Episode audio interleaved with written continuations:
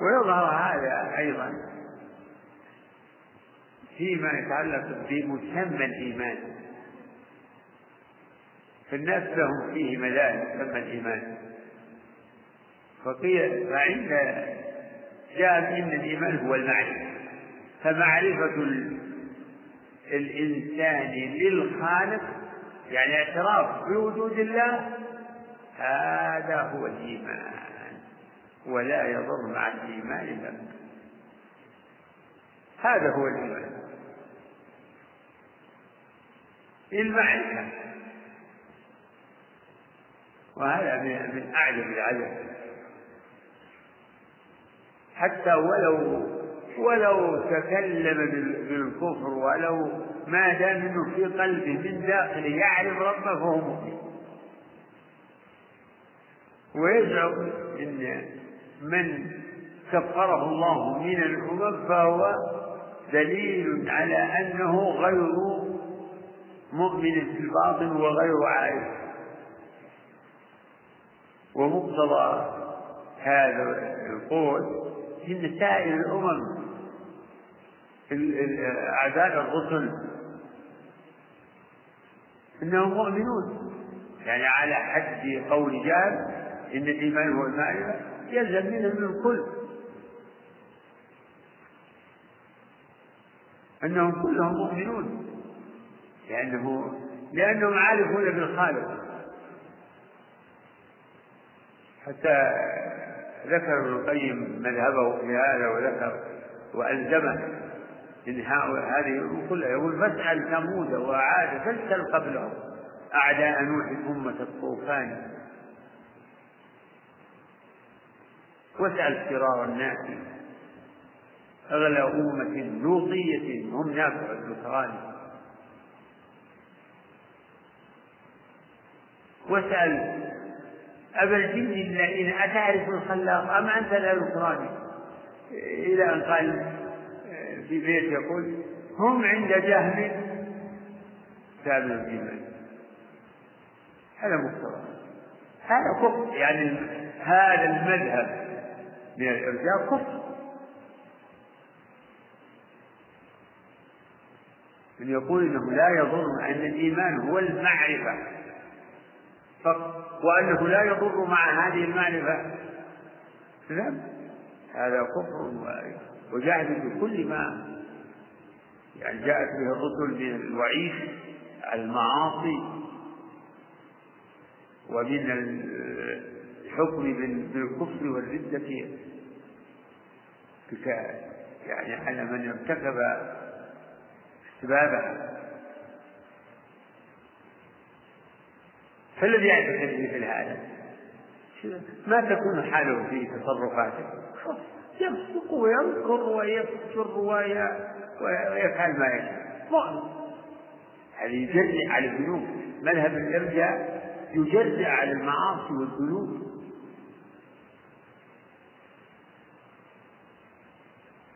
ومن مذاهب المرجع من يقول إن الإيمان هو التصديق فقط بالقلب وهو قريب من من قول قريب من قول جهل ويقول شيخ الإسلام إن هذا هو قول الأشعري إن الإيمان هو التصديق لكن لا لا يصل إلى مذهب جهل لا. لكنه يجعل الإيمان هو التصديق معناه إن الإيمان إن الذنوب ما ما تفلح فيها هذا. ما دام الإنسان مصدق فهو مؤمن. وإن كان يستوجب العقاب على ذنوبه وعلى ترك الواجبات لكن الإيمان هو التصديق بالقلب. وأما مرجئة الفقهاء يقول أن الإيمان هو التصديق بالقلب لكن يقولون مع الإقرار باللسان. فبعضهم يجعل التصديق باللسان شرط وبعضهم يجعله ركن. يجعل الإيمان هو التصديق بالقلب واللسان. وكما شيخ الإسلام هذه المذاهب في كتبه في مواضع كثيرة ومنها كتاب الإيمان. معروف كبير. ناقش في هذه المذاهب وهي ظاهرة الفساد والمناقضة لما دل عليه كتاب الله وسنة رسوله عليه الصلاة والسلام.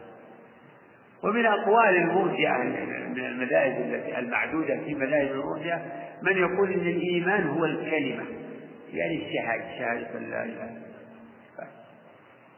وهذا هو مذهب الحرانية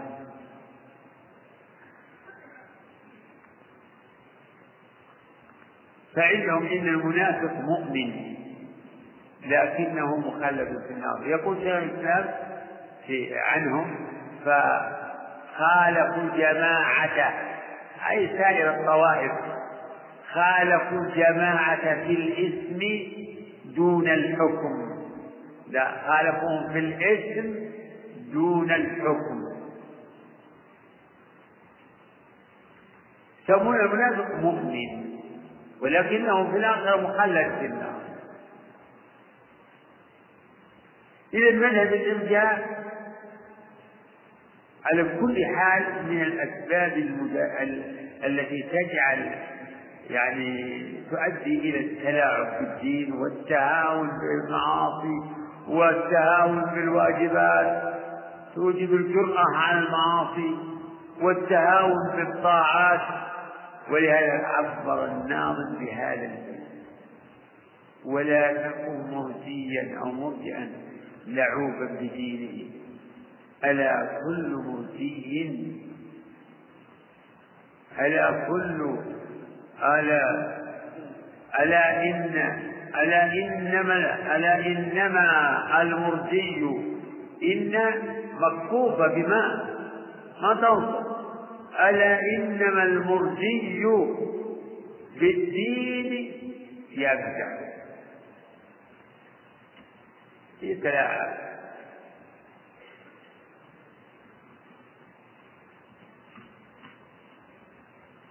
والذين يقولون يعني يطرحون معنى يقول إنه لا كفر إلا باعتقاد لا كفر إلا باعتقاد معناه أنه ما يكفر الإنسان بالكلام ولا بالفعل. هذا يتفق مع مذهب المرجئة يتفق مع مذهب المرجئة لا كفر إلا باعتقاد. طيب إذا الإنسان استخدم من الرسول وهو يؤمن بأنه استخدم ما يكفر بلى والله يكفر إذا بال على المصحف عنادا أو لكذا أو لكذا وهو يؤمن بقلبه أنه هذا القرآن وأنه كلام الله. لكن يعني سوى له نفسه أن يفعل والعياذ بالله. لا يكفر أي إهانة وأي امتهان ما يكفي مجرد التصديق بالقلب. لابد من لابد يكون في تعظيم في تعظيم. أبو طالب أليس مصدقا بقلبه بلسانه. مصدق بقلبه وبلسانه ولم ينفعه لأنه لم ينقد ولم يستجب لدعوة الرسول عليه الصلاة والسلام. أبدا. كلمة يقول قل لا إله إلا الله ويأبى يعني هذا. وهو مصدق وهو مصدق. تمام. في هذا يتبين تعبير الناظم جميل جدا وهو إن المرجئ يلعب في الدين ويستخف بالدين ولا يستقيم على الدين فهو مذهب يجرئ على الدين.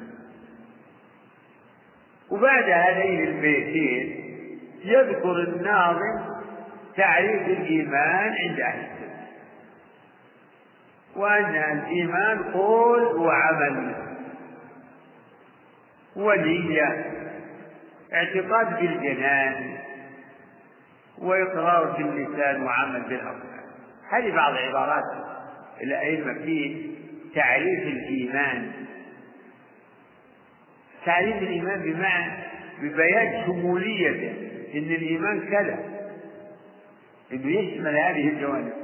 وكثير من العلماء يقول الإيمان قول وعمل كلمتين قول وعمل. يزيد بالطاعة وينقص بالمعصية. يزيد وينقص. فقولهم الإيمان قول وعمل له تفسير. يقول شيخ الإسلام رحمه الله لما ذكر من أصول أهل السنة أن الإيمان قول وعمل قال قول القلب واللسان. وعمل القلب واللسان والجوارح أو عمل القلب والجوارح. قول القلب اعتقاد. وقول اللسان هو الإقرار. وعمل القلب هو الانقياد. الانقياد والاستجابة والالتزام وما إلى ذلك من من أعمال القلب. خوف ورجاء وتوكل. وعمل الجوارح ظاهرة معروفة. عمل الجوارح.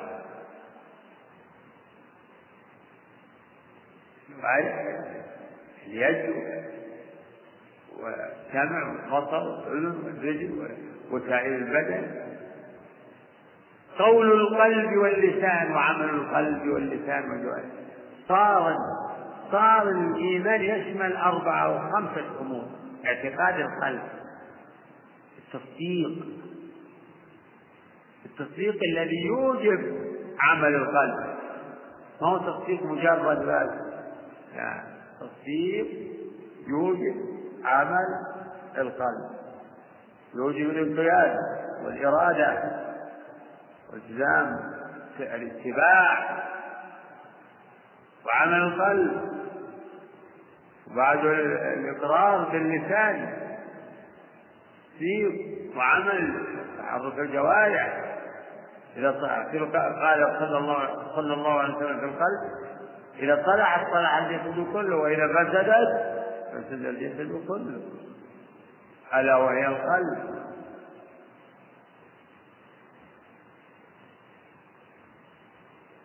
والأدلة على هذا على أن لمن يشمل هذه الجوانب وفيها الرد على المرجئة.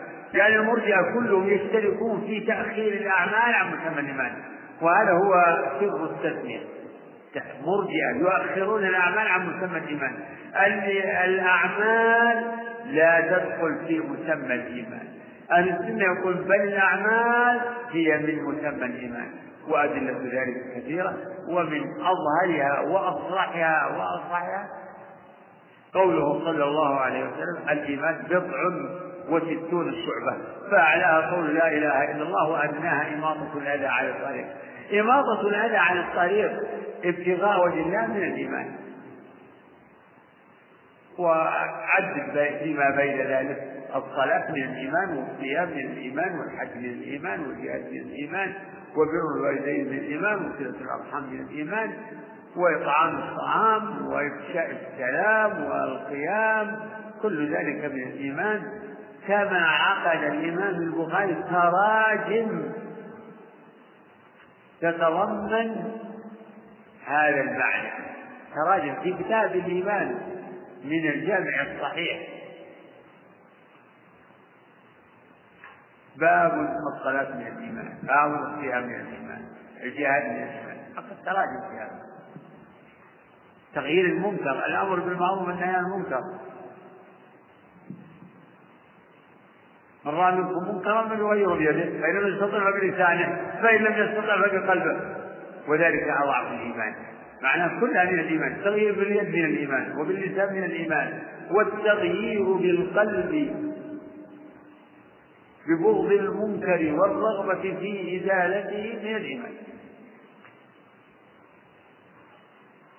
ومما الذي يلتزم والجماعة أن الإيمان يزيد وينقص. يزيد بالطاعة وينقص بالمعصية وبعضهم يتحاشى ينقص يقول يزيد بالطاعة أن الإيمان يتفاضل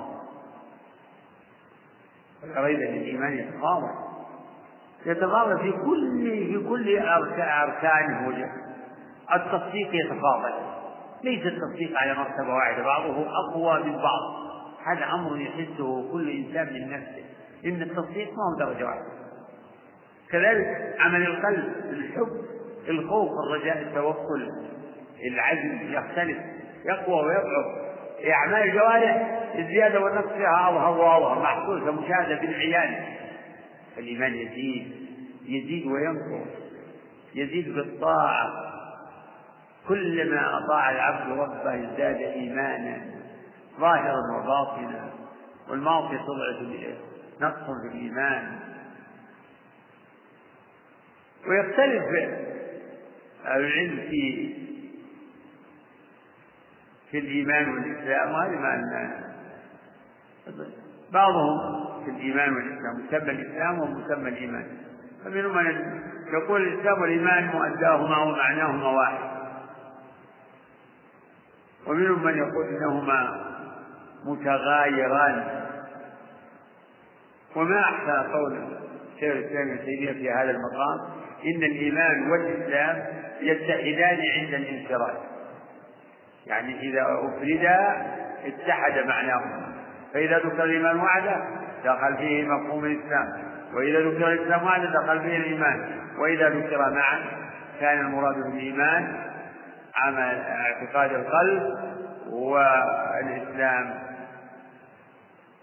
هو الأعمال الظاهرة.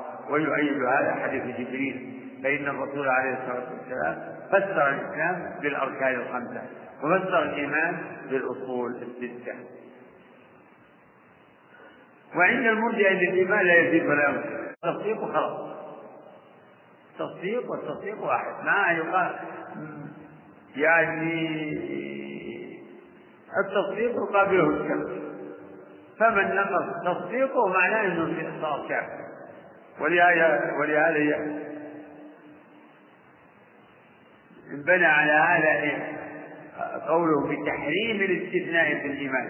لأن الاستثناء شك وأما عند أهل السنة عند القائلين بأن الإيمان قول وعمل عندهم إنه يجوز الاستثناء في الإيمان. أو يجب. فلا تقل أنا مؤمن إلا أن تقول إن شاء الله. لأن في دعوة. فالاستثناء للبراءة من تزكية النفس. ومن دعوى الكمال. والأدلة على أن الإيمان يزيد وينقص ظاهرة في القرآن. ليزدادوا إيمانا مع إيمانهم الذين قال لهم الناس إن الناس قد جمعوا لكم فاخشوهم فزادهم إيمانا. وقالوا حسبنا الله ونعم الوكيل. وإذا تليت عليهم آياته زادتهم إيمانا. وعلى ربهم يتوكلون. وما جاء في حديث الشفاعة وأنه أنه تعالى يخرج من النار من كان في قلب من قال لا إله إلا الله لا إله إلا الله وفي قلبه مثقال ذرة. أو ويخرج من النار من قال لا إله إلا الله وفي قلبه أدنى أدنى خردل في الإيمان. يعني في تفاضل تفاضل تفاوت زيادة ونقص. قوله صلى الله عليه وسلم أكمل المؤمنين إيمانا. أحسنهم خلقا وهذا أمر معلوم بالضرورة. من إيمان أحد المؤمنين كإيمان أبي بكر وعمر أو ما فوق ذلك؟ لا.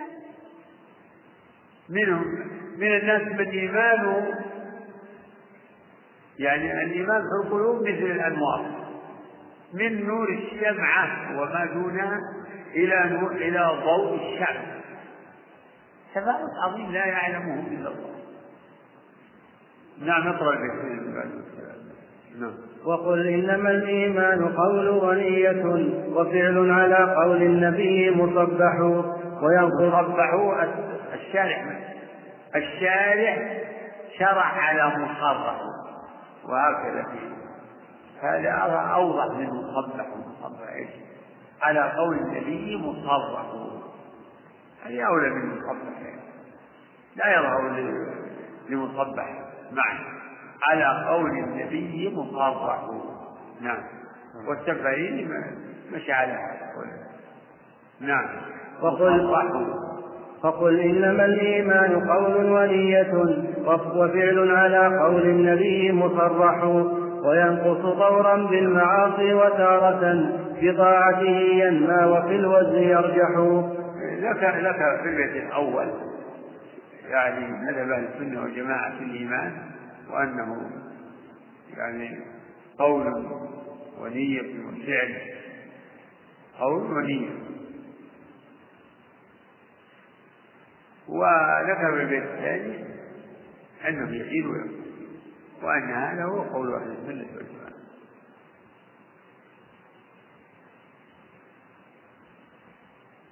نعم في ودع عنك آراء الرجال وقولهم فقول رسول الله أزكى وأشرح. يقول نعم. ودع عنك اترك. آراء الرجال آراءهم التي ليس لها سند من كتاب ولا سنة إنما هي الظنون والخرط دعها عنك لا تقلد. لا تقلد آراء الرجال في دين الله. فكل رأي يخالف كتابا أو سنة فهو مصطلح مردود مدفوع. لا لا وزن له من الاعتبار. هذه الآراء يجب اصطلاحها فحقها الرد والدفع فكل رأي يتعارض مع حكم الله ورسوله فهو باطل. لكن أصحاب هذه الآراء منهم منهم متأول مجتهد معلوم ومنهم المتبع لهواه. وهذا هو المذموم متبع. عمر رضي الله عنه يقول اتهم الرأي في الدين. اتهم الرأي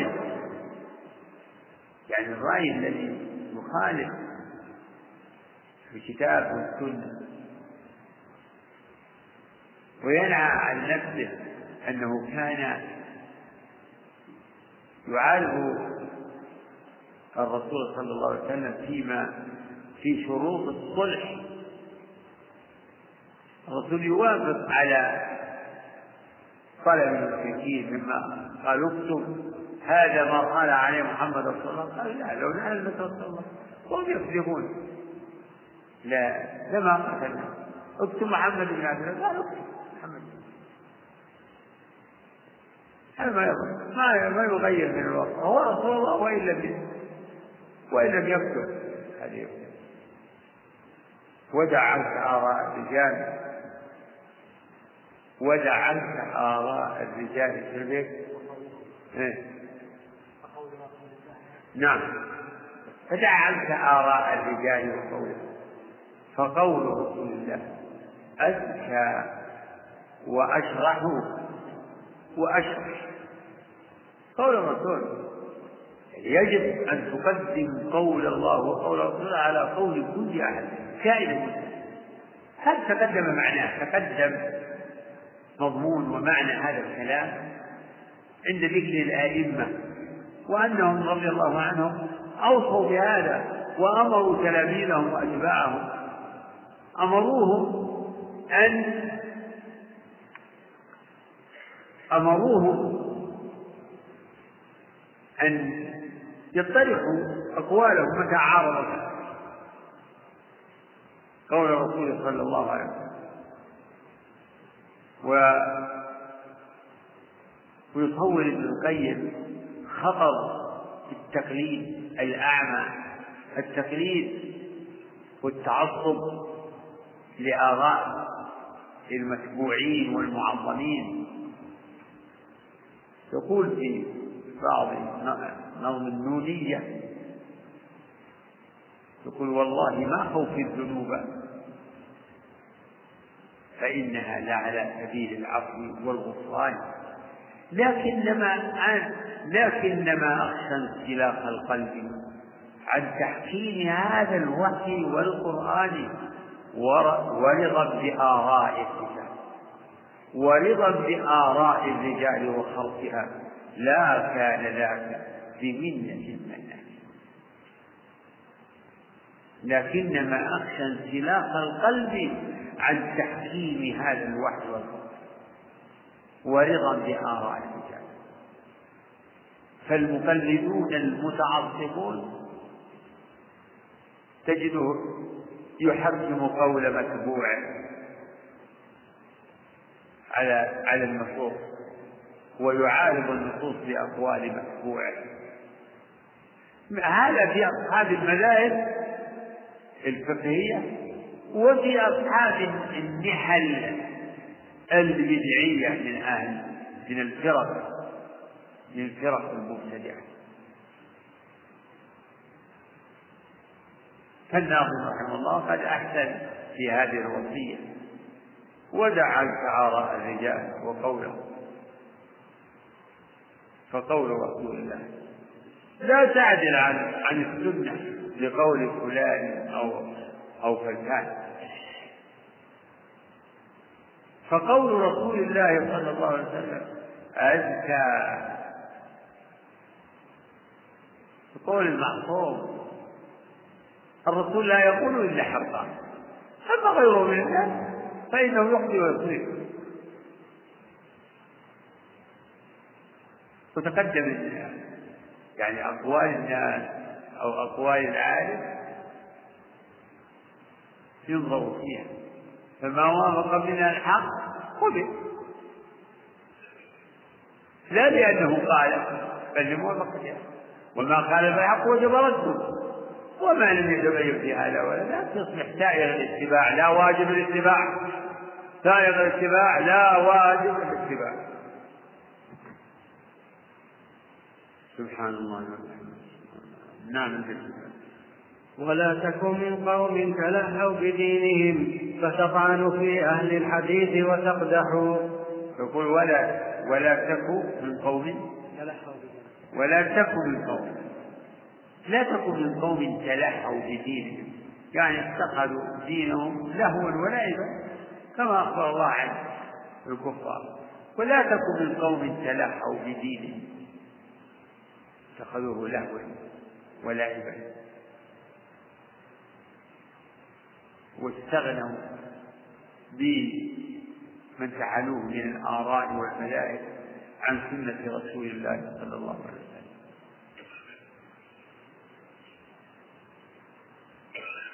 وطعنوا في أهل السنة أهل الحديث المعظمين لسنة رسول الله صلى الله عليه وسلم. ولا تكون لا تكن أيها السني أيها الطالب للحق. لا تكن من قوم لا تكن منهم لا تشابههم لا تكن لا تشبههم. لا تكن من قوم تلهوا بدينهم. نعم. فتطعن فتطعن في أهل الحديث وتقدحوا تظل يصير منصوب فتطعن. ولا تك من قوم تلاهوا بدينهم فتطعن في أهل الحديث. يعني تناهيك يكون سبب في طعنك في أهل الحديث.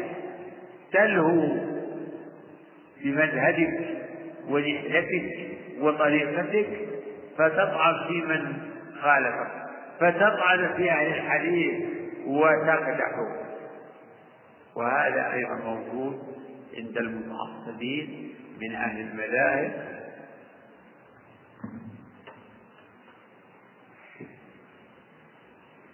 يطعنون في أهل الحديث ويقدحون فيهم ويتنقصونهم وبما فيهم أهل البدع المعظمة مثل المعطلة الصفات يطعنون على أهل السنة على أهل الحديث في تمسكهم بالنصوص وتحكيمهم للنصوص في إثبات ما أثبته الله لنفسه من الأسماء والصفات وتنزيه عن النقائص والعيوب يطعنون في أهل الحديث.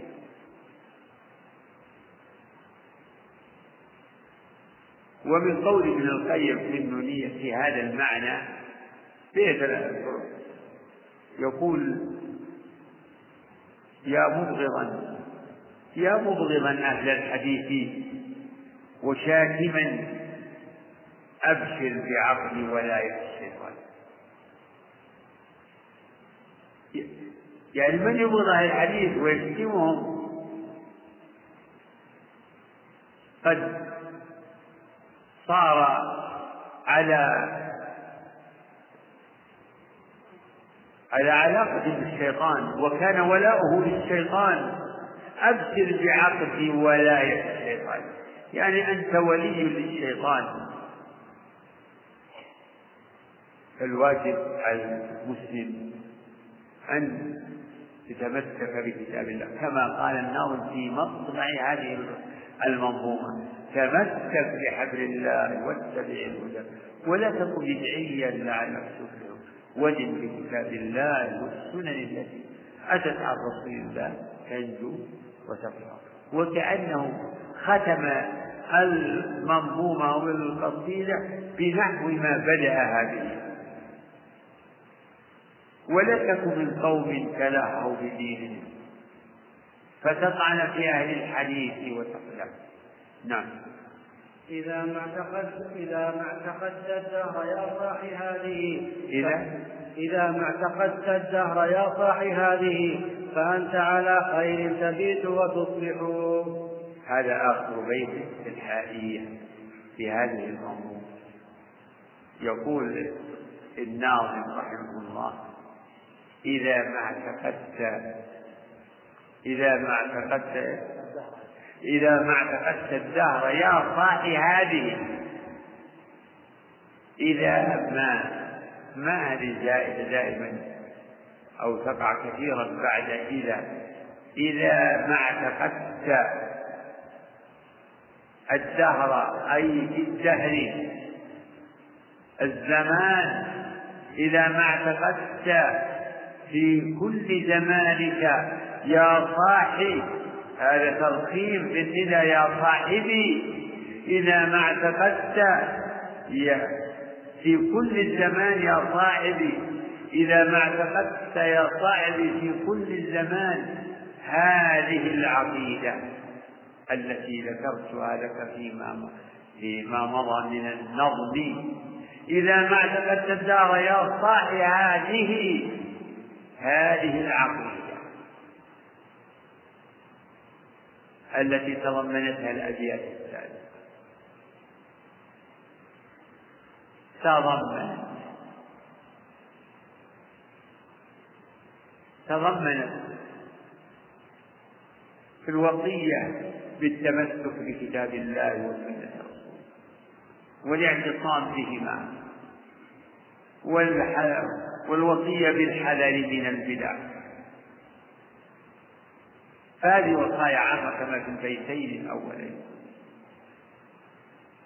وأمر وأوصى بمذهب أهل السنة في كلام الله وفي القرآن.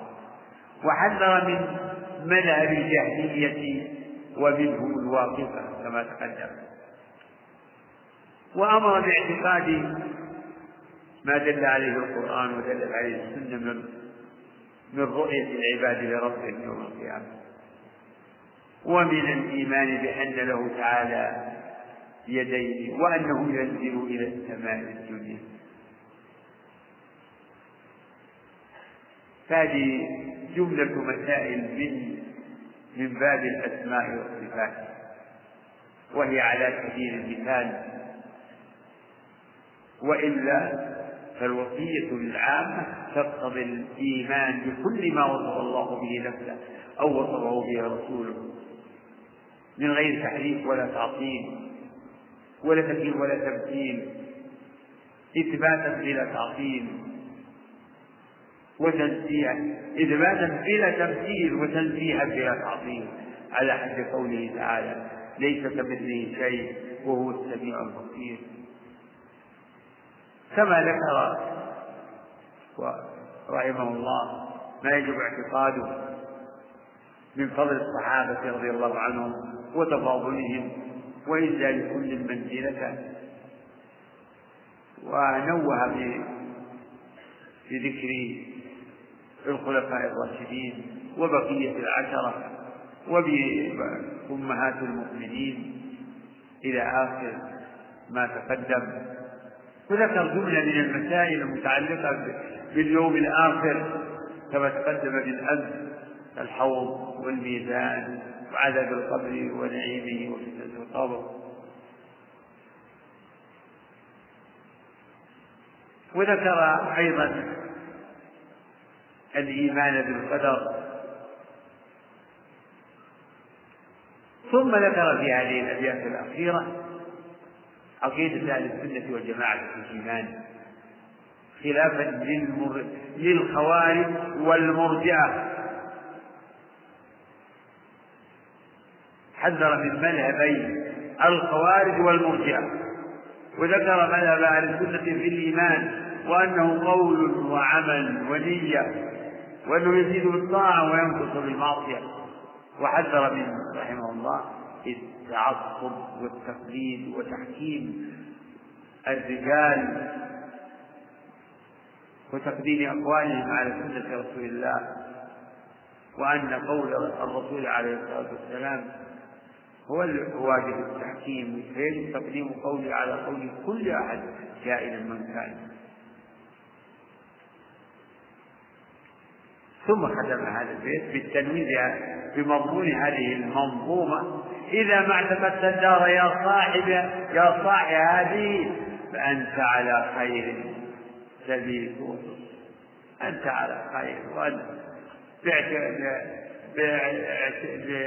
بالاعتقاد الحق حيث تبيت وتصبح مؤمنا بالله ورسوله ومؤمنا بما أخبر الله به في كتابه وبما أخبر به رسوله صلى الله عليه وسلم من أسماء الله وصفاته ومن فضائل من جاءت النصوص بتفضيلهم ومن ومن ومن إلى آخر ما ذكر. إذا ما اعتقدت الدار يا صاحبي يا صاحي هذه فأنت على خير تبيت. نسأل الله لنا ولكم الثبات على دينه. نسأله تعالى أن يعلمنا وإياكم ما ينفعنا وأن ينفعنا بما علمنا وأن لا يجعل ما علمنا حجة علينا. نسأله تعالى ألا يجعل ما علمنا علينا وبالا صلى الله وسلم وبارك على عبده أحسن الله إليكم ما أثابكم. هذا سائل يقول فضيلة الشيخ ما القول الراجح في الخوارج؟ هل هم كفار؟ وما هو اختيار الشيخ عبد العزيز بن باز رحمه الله تعالى؟ والله مشهور عن الشيخ بن باز إنه يراهم كفارا. يتمسك بظاهر قوله صلى الله عليه وسلم يمرقون من الدين كما يمرق السهم من الرمية. السهم من الرمية يمرق. ويذكر في الحديث إن السهم يمرق من الرمية وليس فيه شيء.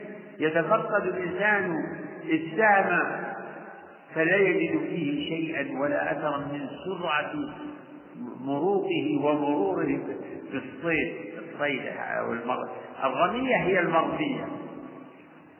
ولكن تعجيب شيخ الإسلام يحكي في مواضع في المنهاج وفي غيره. إن إن عدم تسليمهم هو قول الصحابة. يحكي الإجماع على عدم كفرهم فالله أعلم. وذكر عن الإمام أحمد فيهم روايتان. فيهم عن الإمام أحمد روايتان. والأظهر عندي والله أعلم بالصواب. أنهم ليسوا كفارا لأنهم هذا الأمر أنهم ضلال ضلوا في في فهم النصوص. فهم معظمون للشريعة ولكنهم ضلوا في ما ضلوا فيه. نعم الله أعلم. أحسن الله إليكم يقول هناك شبهة عظيمة وهي قولهم نحن لا نرى كفر تارك الصلاة كسلا. نحن لا نرى كفر تارك الصلاة كسلا. وأنتم لا ترون كفر تارك الصيام أو الزكاة أو الحج. فإذا من مات على الإيمان بالشهادتين فقط وترك العمل ببقية الأركان فهو مسلم. ما ما فهم السؤال شو؟ ما أدري لا لا لا إيه عيب ونحن لا نرى كفر تارك الصلاة لا نرى من هم نحن. آه. هذا هذا خير. حتى الصلاة جاء فيها ما يصير في سواها علما إنه قد قال من قال من الائمه ومنهم الإمام أحمد في, روايات تكون لتارك الصوم أو تارك الزكاة أو تارك الحج كلها شبهه مذكورة في شرح ابن رجب وفي غيره على حديث ابن عمر بني الإسلام على خمس. كلها أركان الإسلام كلها قد قيل في تارك تاركها بكفر لكن الصلاة لها شأن والخلاف فيها مشهور بين الأئمة وورد فيها نصوص. يعني فليس قول من قال إنه بعدم كفر تارك الصيام أو الزكاة ليس من قال بعدم كفره كمن قال بعدم كفر تارك الصلاة. لا سواء. لا سواء هذه النصوص مستفيضة وكثيرة. كيف نسوي بين هذا وهذا؟ نعم. أحسن الله إليكم. وهذا يقول عرف العلماء الإيمان بقول القلب واللسان وعمل القلب واللسان والجوارح. فما الفرق بين قول القلب وعمله وقول اللسان وعمله؟ أولا اللسان بعضهم يقول اللسان مع الجوارح. يقول قلب قول القلب واللسان وعمل القلب والجوارح أو يصير اللسان مع الجوارح. هذا الثاني. لكن السؤال يقول ما الفرق بين قول القلب وعمل القلب؟ قول القلب هو الاعتقاد. وعمل القلب عمل. ما هو باعتقاد فمثلا الإيمان يعني تصديق التصديق بأن الله خالق كل شيء وأنه بيده الخير وبيده العطاء والمنع. الإيمان والتصديق بهذا هذا اعتقاد. قول هذا قول. القلب التوكل على الله هذا عمل قلب تجد هذا التوكل ثمرة للتصديق الأول. التصديق بأن محمد رسول الله هذا قول القلب. طاعة الرسول أو العزم على متابعة الرسول هذا من عمل القلب. الانقياد انقياد القلب واستسلام هذا عمل قلب. الإيمان بأن الله شديد العقاب هذا من قول القلب. الخوف من عمل القلب. وأما قول اللسان وعمل اللسان قول اللسان هو الإقرار. الإقرار الأول يعني افرض أنه واحد كافر ودعوناه الإسلام فقال أشهد أن لا إله إلا الله وأن محمدا الله هذا قول اللسان وهو الإقرار الذي يدخل به في الإسلام. بعد ذلك إذا قال سبحان الله والحمد لله ولا إله إلا الله والله أشهد أن لا إله إلا الله. أشهد أن لا إله هذا عمل اللسان نعم. أحسن الله إليكم. وهذا يقول ما المقصود بأهل الحديث أهل الحديث هم الذين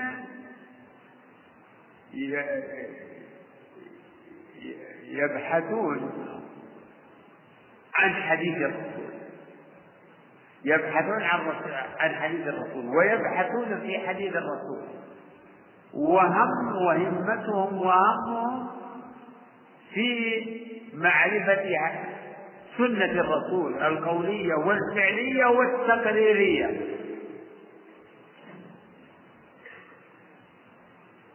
فأهل الحديث هم الذين يعولون على الدليل من كتاب الله وسنة رسوله عليه الصلاة والسلام. ما يقول ماذا قال الشافعي؟ ماذا قال الإمام أحمد؟ بس ما انك تقول ماذا قال لكن عندما تقول صاحب الحديث لا يتخذ أقوال الأئمة هي هي الدليل بل يطلب لأقوال الأئمة الدليل. ما دليل الشافعي في فيما ذهب إليه؟ ما دليل الإمام مالك؟ ما دليل أبي حنيفة؟ أما أصحاب المذاهب فإنهم إنما يعنون بأقوال أئمتهم. كل أهل المذهب إنما يبحثون ويهتمون بقول أئمتهم. وإن ذكروا أحيانا يعني ذكروا الأدلة لكن همتهم وعنايتهم وبحثهم في أقوال الإمام المتبوع لهم.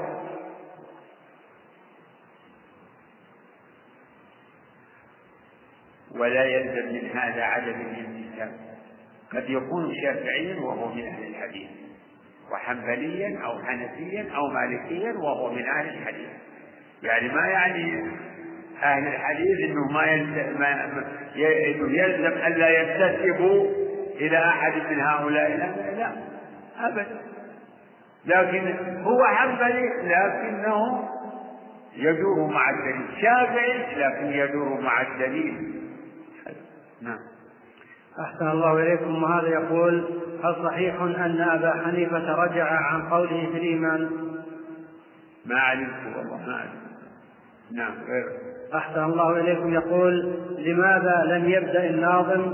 إيش يقول؟ لماذا لم يبدأ الناظم رحمه الله بالحمد والثناء ولم يختمها بالصلاة على النبي صلى الله عليه وسلم؟ والله ما ندري هذا هذا أمر مستحب.